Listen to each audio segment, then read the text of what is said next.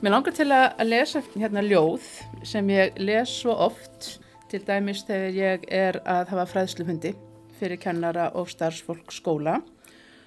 Og það er eftir Cynthia R. Sanchez og heitir að hugsa um börn eins og snjókorn. Og það er nefnilega þannig að það eru enginn tvö snjókorn eins. Og það er akkurat það sem við þurfum að mun eftir þegar við erum að hugsa um börn það eru heldur enginn tvö börn eins. Og nú les ég þetta ljóð fyrir þig. Lítið snjókorn fellur á jörðina. Annað snjókorn fellur við hlið þess. Enn eitt fellur og mörg fylgja á eftir. Sérkvert er frábrugðið, hefur sína eigin lögun og stærð. En hvílik fegurð í hverju og einu. Þau fela í sér svo mikla dölúð Við verðum að gæta þess að hvert og eitt nái að glitra. Eitt er ekki fallegra en annað. Þau eru öll einstök, sérstök og stórfengleg. Vegur að heiman er vegur heim. Þriðju þáttur, pýrir heitna landið er heima. Í þessum þætti, eins og þeim síðasta, höldum við til á Akureyri að mestu og forvittnumstum hvernig tekist var á við þá ákvörðun að taka á móti nokkrum stríðshrjáðum fjölskyldum frá Sílandi og veita þeim stjól. Þau hefðu dvalið sem flottamenn í Líbanon í þrjú til fjögur ár við Íllan aðbúnað. Þau komu til Akureyrar 27. janúar 2016. Fjórar fjölskyldur 23 einstaklingar á öllum aldri. Síðan hafa tvö börn pæst í fjölskyldunum og nú í januar 2017 var ákveðið að taka móti einni pimmanna fjölskyldu til viðbótar vegna fjölskyldu tengsla við eina fjölskylduna sem kom árið 2016. Þau fengu stöðu kvótaflottamanna á Íslandi eins og það er stilgrind. En hvernig var tekist þá við að kenna þessum nýju ísleitingum þetta framandi tungumál sem talað er í nýjum heimkinnum.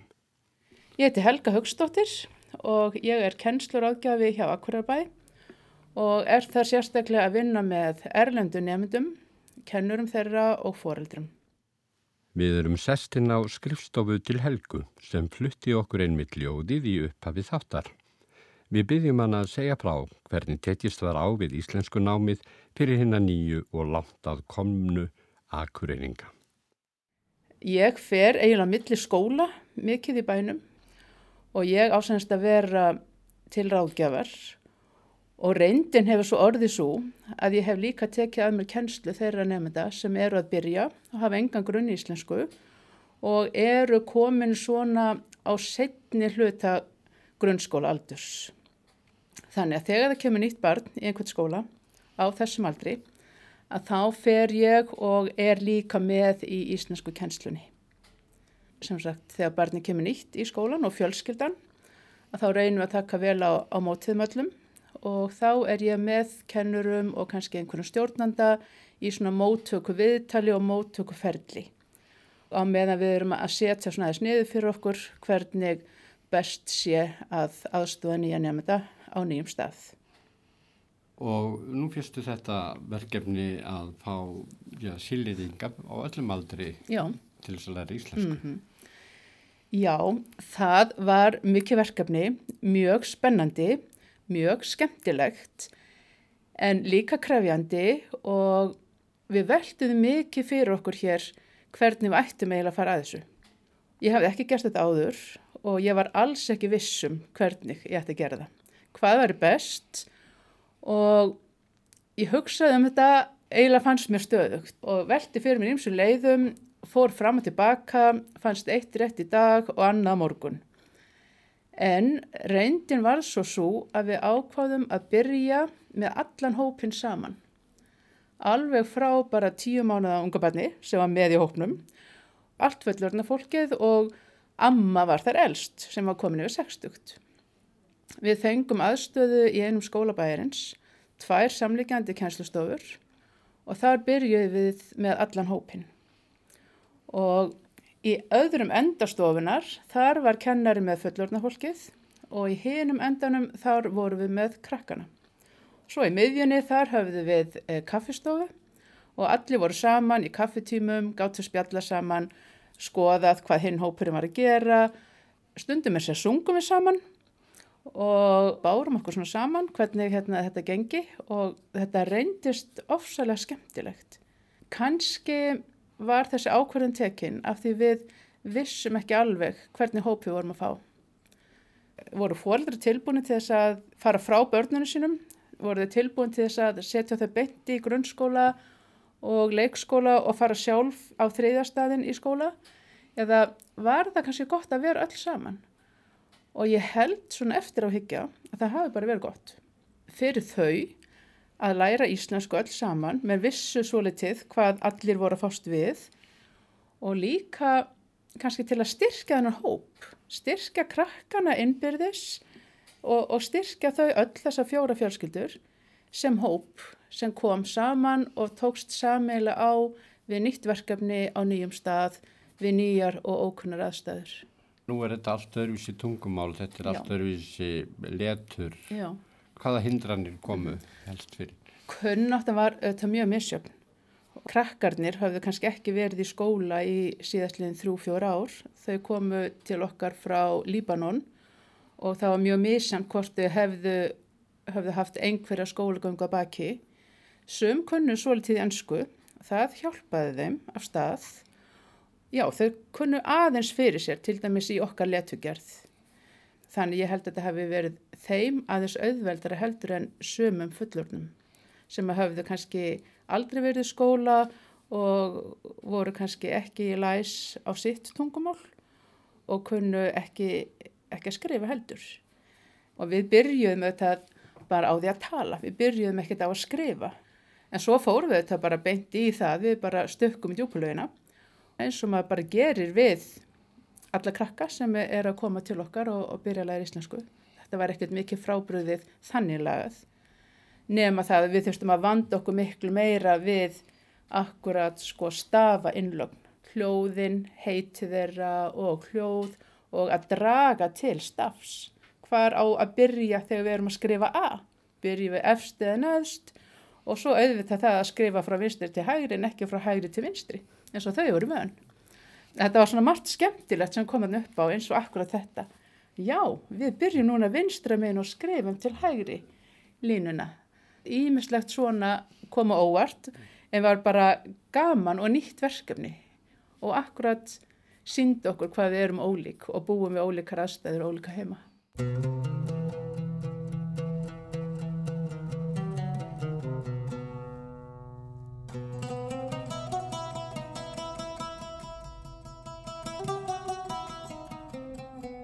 Sílensku börnin sem komu til Akureyrar voru á öllum aldri og þau eldstu á unglingsaldri. Því höfum við mælt okkur mót við Sigriði Huld Jónsdóttur, skólamestara verkmyndaskólans á Akureyri. Því þangað sætja unglingar nám á framhaldsskólastígi. Við tókum á móti þremur sírlenskum nefndum hérna síðsliði vor Þau voru þá búin að vera hérna á Akureyri í nokkra mánu þegar þau komu inn í skólan og við tökum við þeim á þeim stað þar sem þau eru aðeins byrjuð í íslensku kjænslu hjá Símei og markmiði með því að fá þau hingað inn í skólan var svona bæði að kynna þeim fyrir skólanum og því sem að er í bóði hérna innan skólans og að svona kanna hverju námslega staða þeirra væri upp á það hvað þau myndu síðan velja í framhaldinu að því íslenska kjænslan var í, í sími þá vorum við ekki að horfa hana en þau voru í ennsku og þau fóru inn í lífsleikni hópa og með nefndum á fyrsta ári og voru að taka þátt í þeim tímum. Eins voru við að kanna þekkingu þeirra á hefni í starffræði og var útbúið ákveðu prógram fyrir þau þar sem að sviðstjóri og, og námsakjafi skipilöðu heimsóknir á brautir skólans með þeim og, og svona kynna fyrir þeim hvað var í bóði og hvað möguleika þau höfðu hér innan skólans. Þannig að þetta var nú svona helsta sem við gerðum með þeim á vorunni. Við höfðum samband við nefnendur, svona nefnendur sem var tilbúin til að koma og hitta þau og, og kynna þau fyrir svona félagslífinu og svona lífinu hjá ungu fólki á Akureyri. Þegar þau koma hérna þá náttúrulega þau tala ekki miklu íslensku, það voru komið svona orð og orð einhvað síður og ennska þeirra mjög takmörku þannig að það reyndi svolítið á okkur öll, bæði þau og, og okkur að komast að því hvað væri hægt að hérna, gera með þeim innan skólans og það gekk svona svona stundum að vera að skilja hlutina alveg á sama hátt en það líka skipti mjög miklu máli að það var tólkur með þeim hérna sem að gæti þá bæði sagt við þau hvað við vorum að tala um og hvað vendingar, sérstaklega þau hefðu þá til þess að vera í skólanum hérna. Nú síðan í haust þá eru þau orðin fjögur, það bættist þá við eitt strákur sem hafi verið í tíundabekk hann um vorið. Og þau höfðu nú verið ótrúlega hugrökk með það val sem að þau hérna ákveðu að fara hér í það nám sem þau ætluðu sér í hérna í skólanum og tveir strákarnir þeir völdu það til dæmis að færi rafurkjun sem að var mikil svona augrun og, og við vorum svolítið heikandi upphæfi hvort að þetta væri eitthvað sem myndi ganga upp því að þetta er náttúrulega erfitt nám og tæknilegt nám en bæði voru þeir mjög ákveðnir og eins líka eftir að við vorum búin að ræða þetta við kennarna þá var ákveðið að fara og, pröfa þetta. Þeir tveir fór í rafverkun, einn var síðan bara á grundilt málmiðgreina og, og svo stúlka sem fór á listnarsbrönd. Þau fóru öll þessi fjögur í samægilegt prógram í íslensku og ennsku en annars voru þau bara að taka áfanga eins og aðrir nefnendur á viðkomandi brautum. Þannig að þetta hérna var nú svona það sem maður var lagt upp með í síðslega haust og alveg bara ótrúlegt að sjá hvernig þeim hefur gengið og hversu vel þeim hefur gengið og það gerist ekki nema vegna þess að við erum hér með frábæra kennara sem hafa verið að sinna þeim og, og þau lagt mikið metnað í það að þeim gangi vel og að þau náu sínum markmiðum hérna einan skólans. Annars væri þetta ekkert að ganga upp ef að kennararnir væri ekki svona bæði faglegur og jákvæðir gagvart nefndunum.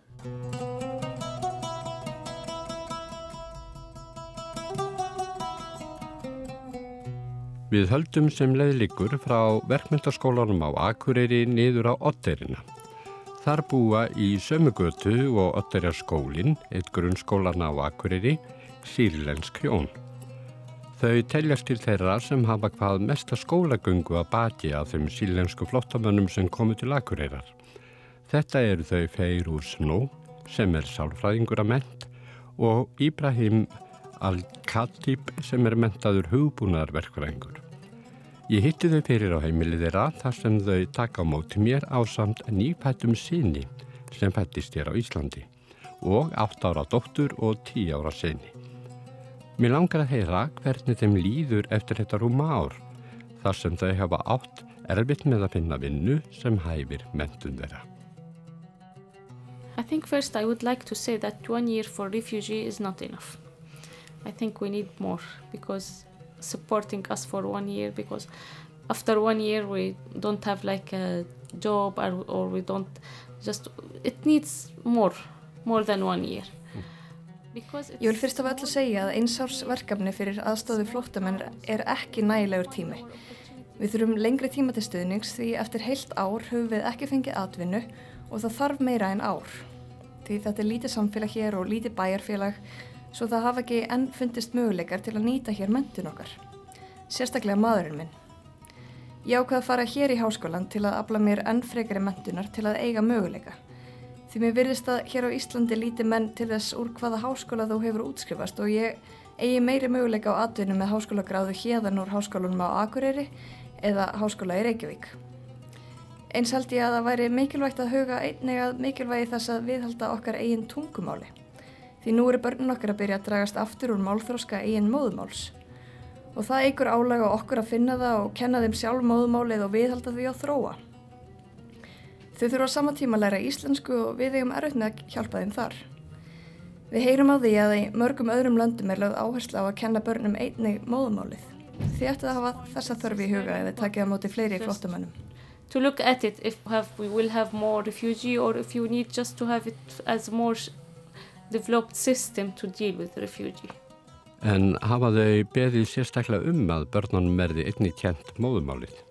We, we asked for our children to have like uh, times at school to study our language and we were just uh, Við höfum beðum að börni fái sérstakka kennstustund í skólanum í móðurmálinu og sagt að við varum fúst til að kenna þeim þar á samt öðrum sírlandskum börnum en ekkert hefur gerst í þeim málum ennþá. Við höfum bara beðið og beðið. Það er mikilvægt að kennslan ferir fram í skólanum og með sérstökum kennara því þá finna þau fyrir meiri alvöru í verkefninu. Ábyrðatilfinningi verður meiri og námið markvísara. Miklu frekar en ef við erum að kenna þeim heima þá takaðu kennslastundin ekki eins alvarlega og vilja hlaupa út og segja við erum búin að vera læri í skólanum í allan dag og skóladagurinn er búin. Við höfum reyndið að fá úrlýsna á þessu en ekkert hefur enn gerst. We try to find solution but it doesn't work right, right now. Ég spyr Sigriði Huldi Jónsdóttur, skólamestara verkmyndaskólans á Akureyri, hvort þau hafi lagt einhverja áherslu á að hafa arabísku nám í skólanum eða kenna um menningarheim Arabíu. Það er ágætt að þú spyrir þessa spurningu því að þetta er nú kannski eitt af því sem að ég er bara ekki veld fyrir mér og, en, og ég veit ekki hvort að kennararnir hafa hugsað svolítið á þessu nótum. Ég hins vegar veit að eins og í íslensku kjenslunni þá eru þau ofta að bera saman það sem eru þeirra menningaheim og það sem er hér hjá okkur þannig að nefndunir eru að segja kennarum hvernig eitthvað er til dæmis bara orð á sílansku eða minnir að einhvern tíma núna hafðu verið til dæmis að kenna henni kenna hann sínum sko vikudagana eða mánuðin eða eitthvað slíkt sko þannig að það er að bá að búa en við hefum svo sem ekki skipulagt námið formlega þar sem að er verið að reyna að viðhalda þeirra menningarheimi og hvað til dæmis bara saga Sílands eða miðausturlanda eða eitthvað slíkt. Það hefum við ekki gert og kannski bara eitt af því veganesti sem við tökum með okkur úr þessari vinnu með þessum nefndum að, að það er kannski líka að huga að þeirra menningarheimi innan þessa skóla. Hvernig við getum verið að viðhalda því sem að þau hafa úr sínu heimalandi. En þetta er náttúrulega gríðarlega mikil menningamunur á svo marganhátt fyrir þess að nefndur að koma inn í ekki bara sko lofslag og, og allt það munur heldur.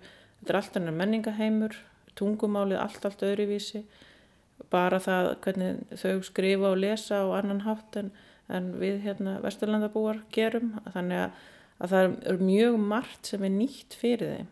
Kannski gerum að bara hugsunum hjá manni sem skólamannski er að heimili kannski er að sjá um þennan þátt sem snýra þeirra menningaheimi og þau eru vantilega að lesa heima hjá sér eitthvað á arabísku hlusta á arabíska tónlist skoða hérna eitthvað frá heimalandinu bara í gegnum neti þannig að það er svo ótrúlega miklu möguleikar að viðhalda öllum svona samskiptum með tækninni.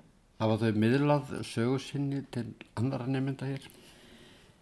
Þau hafa alveg gert það, öruglega bæði bara svona í samskiptum við nefnendur, íslenska nefnendur en kannski eru þau líka feimin að spyrja um það en ég veit að, að það var einn nefnandi sem að flutti fyrirlastur fyrir hópin sinn um Síland og það var vist alveg magnaði fyrirlastur og snart mjög marga og það voru bara tár bæði hjá henni og kennaranum og, og nefndum þarna þegar hún var að lýsa hvernig heimalandið hennar var og sinni upplöfun að einhver leiti en maður náttúrulega verður að fara vallega í allar svona umfjöldin því að maður veit aldrei hvernig þau höndlaða að vera að segja frá einhverju.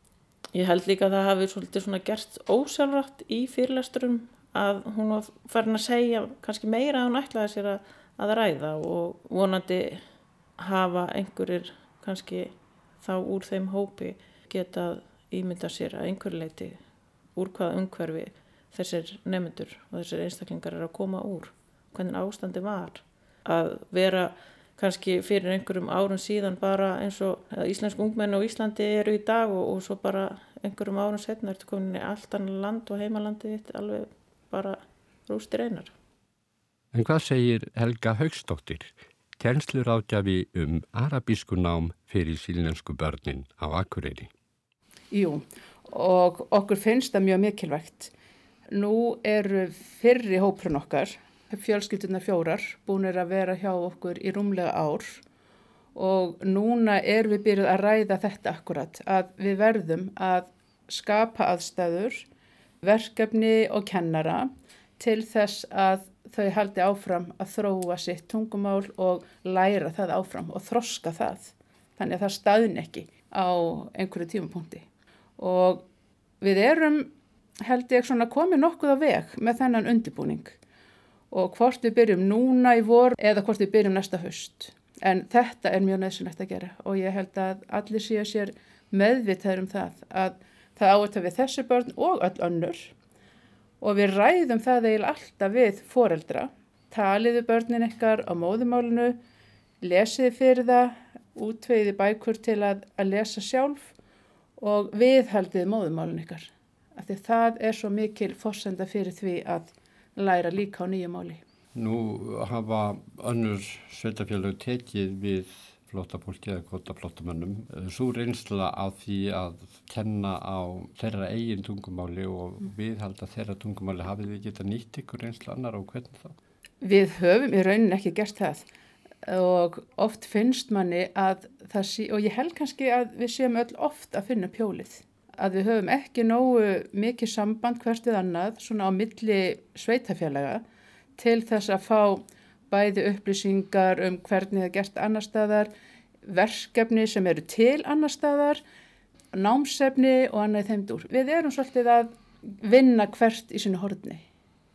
Ég held að það sé bara svona staðurend í þessu eins og mörgu öðru og síðan fullorðnafólki mm -hmm. fullorðnafólki sem að sumir kunna önsku, sumir hafa verið í skóla sumir hafa ekki lært að lesa áður Já. hvernig hafið þið glýmt við hafðverkjum? Þegar við byrjuðum í gleraskóla þá byrjuðu allir á sama stað en það var enginn þarna með neina kunnáttu íslensku það fór hins vegar svo að fólk skiptist upp í minni hópa eftir því hvað það var fljótt að læra hvað það var fljótt að tilengja sér málið þeir sem höfðu ennsku þekkingu Þeir voru mörguleiti fljóttari, þeir gáttu alltaf fundi tengingu úr ennsku í íslensku sem er hægt á viðahægt en á meðan aðrir höfðu enga þannig þekkingu. En svo núna, kannski árið setna, þá er ekkert endilega vist að þeir sem voru fljóttastir að stað að þeir séu bestir í íslensku í dag. Ef þú hittir þau og menn eiga að tjá sig, þú ætlar að tala við þau á íslensku þá er ég ekki endilega vissum að, að þú finnir mikið mun af því að þeir sem kunna ennsku, þeir eru svo gerðnir á það að vilja þá bara færa sig yfir í ennskuna og við Íslandingar líka að tala við þau á ennsku. Þeir sem hefði hins vegar enga kunnátt í ennsku, þeir bara neittust til að taka hún stóra sínum og læra þetta erfiða mál og þau lögðu sér fram og það tók mikinn tíma og miklu lengri tíma heldur en þau byggust við. Ég held að í upphafi hafi mann búist við því að eftir svona hálft ár þá getur maður talað íslensku. En hérna það er auðvitað alls ekki þannig og það kom auðvitað svona dífa í fólk kannski eftir svona tæft ár þegar það fann það að þetta, þetta tók rosalega tíma og þetta var svo erfitt og ég held kannski að við höfum átt búast við þessar dífu og þá þurfti svona pepp að, að reyna að segja þetta er bara svona, þetta er eðlilegt. Það tekur mörg ár að læra nýtt tungumál. Og oft segjum við það tekur 5-7 ár að læra tungumál þannig að þú getur til dæmis nýttir það í skólanámi. Þegar það eru komið flókin hugtök og annað sem þarfst að nota að þá þarfst að vera búin að vera mörg ár í landinu og menn eru ennþá að reyna og mönnum er alltaf að fara fram þannig þau standa sér vel.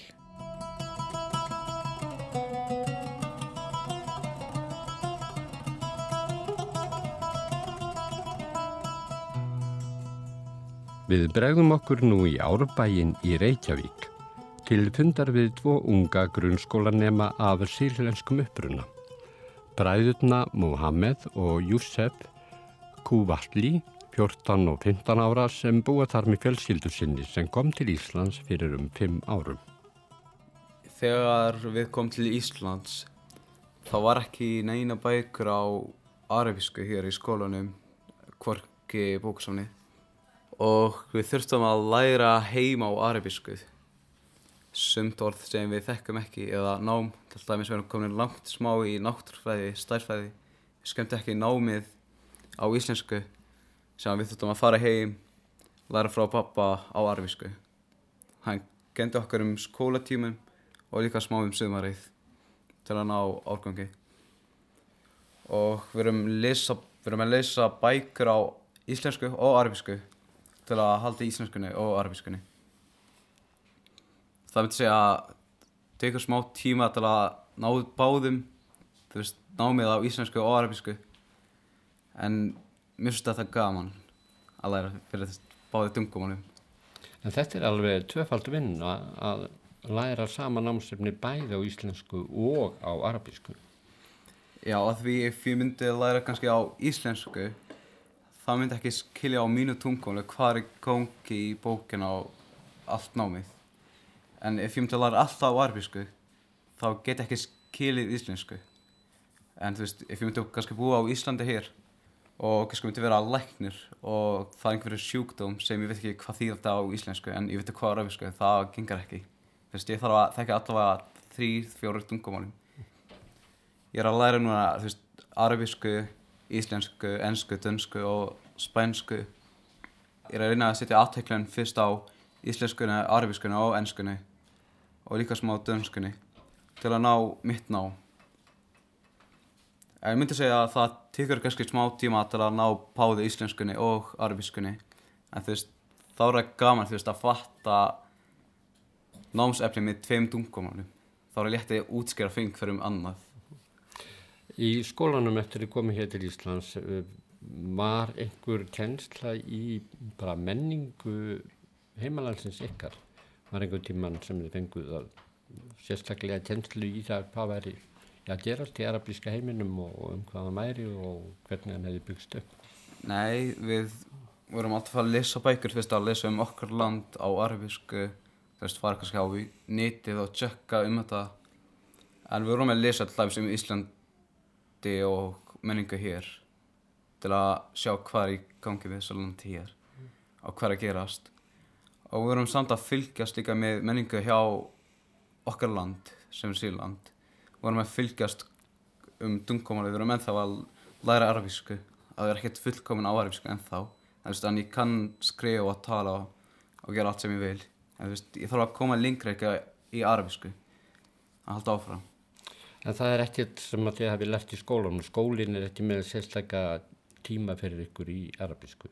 Nei, Nei. það er enginn sem kann arabísku, sem er kennari núna. Þú veist, við stundum það er fóræðra fundur þá kemur einhver til að þýða fyrir pappa en hann talar smá arbísku eða þú veist, hann er stundu frá Marokko til að útskjöra en þú veist, það er ekkert beint arbísku þess vegna verðum við að reyna að læra íslensku og arbísku til að komast, þú veist, að hjálpa okkur sjálfur í þessu. Hefðu þið viljað fá kennslu í arabísku í, bara í skólanum sjálfum? Ég myndi, myndi segja nei, það myndi taka meira tíma ég myndi ekki taka alla aðtöklun á tímanum til dæmis stærfræði, ennsku, náttúrfræði þú veist ég, ef ég myndi að læra eitt hvað í skólanum þá myndi vera á einum tungumálu og síðan ef ég myndi ekki skilja nei, yngverju þá myndi ég læra þetta á arabísku og, og íslensku, það myndi fatta betra. Þannig myndi ekki vilja vera einum klukkutíma lengur í skólanum bara til að pá arabísku nám í eitt klukkutíma? Þú veist, þetta er ekki aðbeint svar myndi að segja en ég læri þú veist arabísku heima og það er held nóg fyrir mig. Þannig að pappi ykkar er góðu tjennari Já. En þið hafi verið að vinna að ykkur sérstakku verkefni sem að tungumálaverkefni, vil ég segja mig frá því? Já, við erum að gera orðabók með fimm tungumálum. Það er íslenska, enska, danska, arabíska og bólska Það var líka spænska en það er meira útlendingar frá Pólandi núna.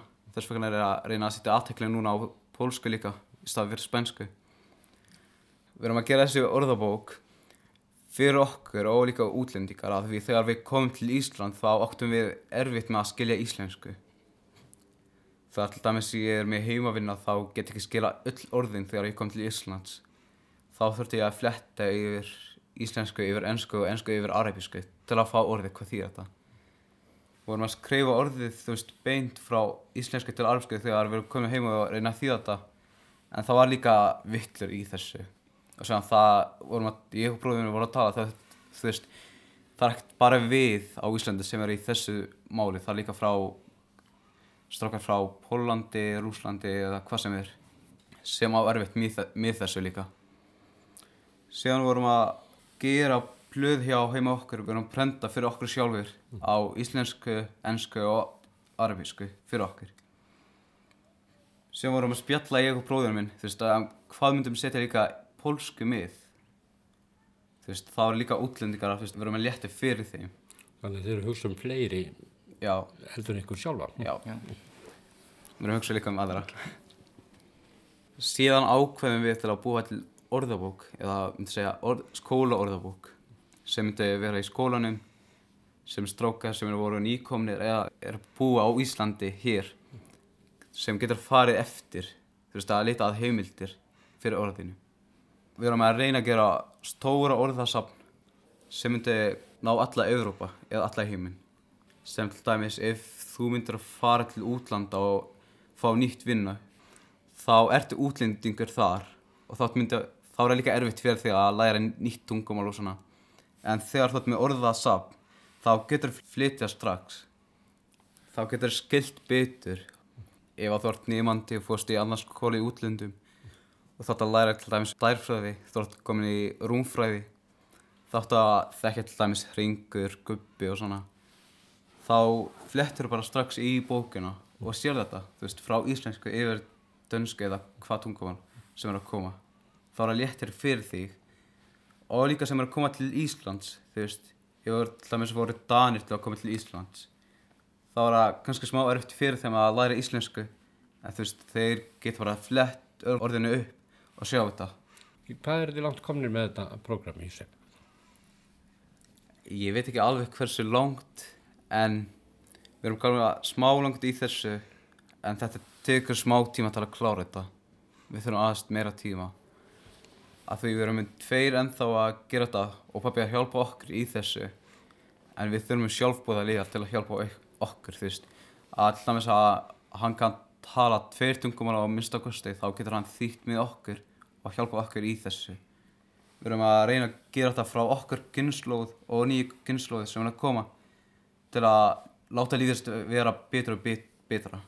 Þeir að hjálpa komandi kynnslóðum til þess að takast á við fagorð og sérfræði orð og í mismundi tungumálum til þess að byggja brýr á milli tungumála og menningarheima. við erum að reyna að gefa aðhyggli fyrir samfélagið að við erum hér. Við erum sýrlandíkar en við erum íslendíkar núna. Við erum að reyna að gera eitthvað fyrir samfélagið sem er gott fyrir þeim og okkur líka.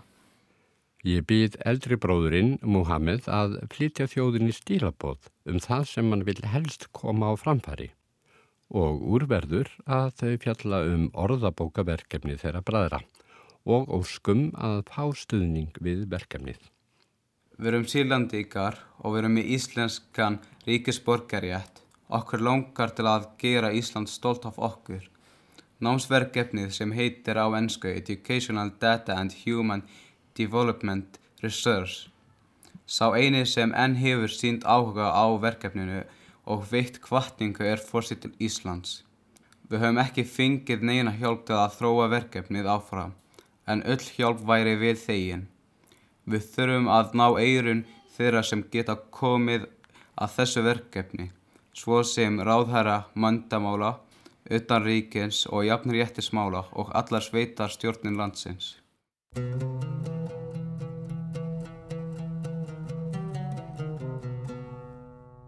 Við ljúkum heimsókninni á Akureyri með að hitta fyrir eina stuðnisfjölskyldu sílensku flottamannana sem þangað komu fyrir rúmu ári. Ég heiti Eva Björk Heiðarsdóttir og ég vinn á fjármálusvið Samherja. Ég heiti Kári Fanna Lárusson og ég vinn á uh, skrifstofu sem heitir KAF skrifstofan og er vinnuhópur um vendun lífríkisins á Norðurslóðum. Hvernig kom til að þau gerðust stuðnisfjölskylda og hver var reynsla þeirra af verkefninu? Sko við kannski eins og aðri landsmenn fylgdum svona alltaf náum með fréttum af ástandin í Sýrlandi og, og svona og fannst þetta alltaf mjög bagalegt og, og svo sáum við auglýsingu frá Rauðakrossinu hann sem var óska eftir stuðningsfjölskyldum og okkur fannst bara sjálfsagt að bjóða okkur fram í það. En það sjáum við ekki eftir því í dag, þetta var heilmikið æfintýri og því við hefum bara eignast vinni sem við búum að í gegnum þetta. Voruð með einhverjar svona sérstaklega hugmyndi fyrirfram? Við fórum sér sett á kynningafund hjá Rauðakrossinum þá var okkur sagt frá menningunni og svona hverju við ættum að búast við og svona reglum við ættum ekki að heilsa kallmönnum og eða konur ætti ekki að heilsa kallmönnum og fleira. Þannig við vorum, við vorum undirbúin fyrir að eitthvað allt annað heldur en síðan komið ljó sko. Síðan þegar komum og við hittum það var bara frábært fólk.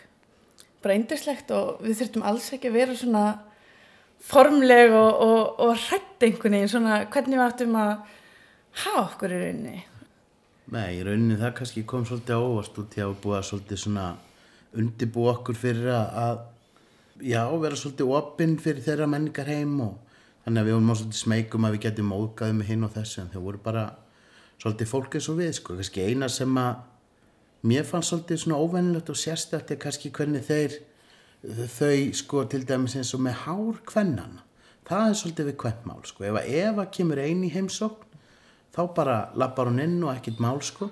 En ef að, ef að ég kemur heimsókn þá sem sagt sko stekkur konar til og stríla sér upp upp á að fjara hári sko þannig að það var kannski en, en ég minna fyrir utan það þá bara já var þetta svolítið bara ég segi nú ekki alveg eins og kannski fólk frá Akureyri en, en, en svona alltaf því bara fólk svolítið með sömu markmið og drauma og, og óskir eins og við sko, að gera eins vel fyrir börnin sín og, og það gatt og komast í vinnu og koma sér fyrir og svona þetta sem við viljum einhvern veginn öll sko.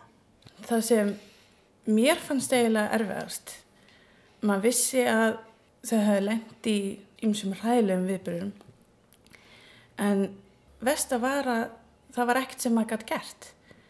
Og svo lifi maður hérna góðu lífi með börnunum sínum í skjóli og var fyrir þeim forréttundum að fá að fæðast á Íslandi.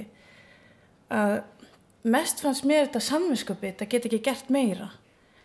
Að þau hafa sjálfvegt verið mikið að segja okkur frá lífinu en, en auðvitað þegar það voru hillilega frettir í, í sjónvarpina þá, þá nefnduðu það og, og þau voru ekki viss hvernig fjölskyldaðina hafði það og og það var svolítið erfitt að geta ekki sagt neitt.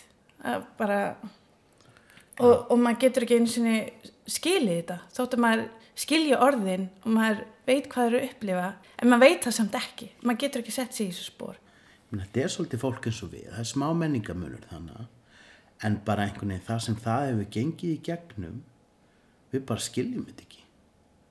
Og, og samt heyrum við einhvern veginn kannski utan að komandi rattir Sko, þó að ég held að flestir séu mjög jákvæðir í garð og flóttamanna eins og, eins og maður hefur séð í svona blöðum og svona í skoðanakönnunum.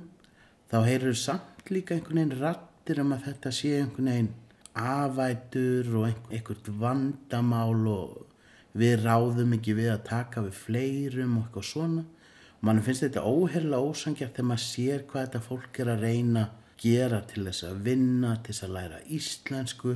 Út af því að þetta tækifæri sem það var fengið er eitthvað sem að þau bara virkilega hanga á og ætla að láta gerast.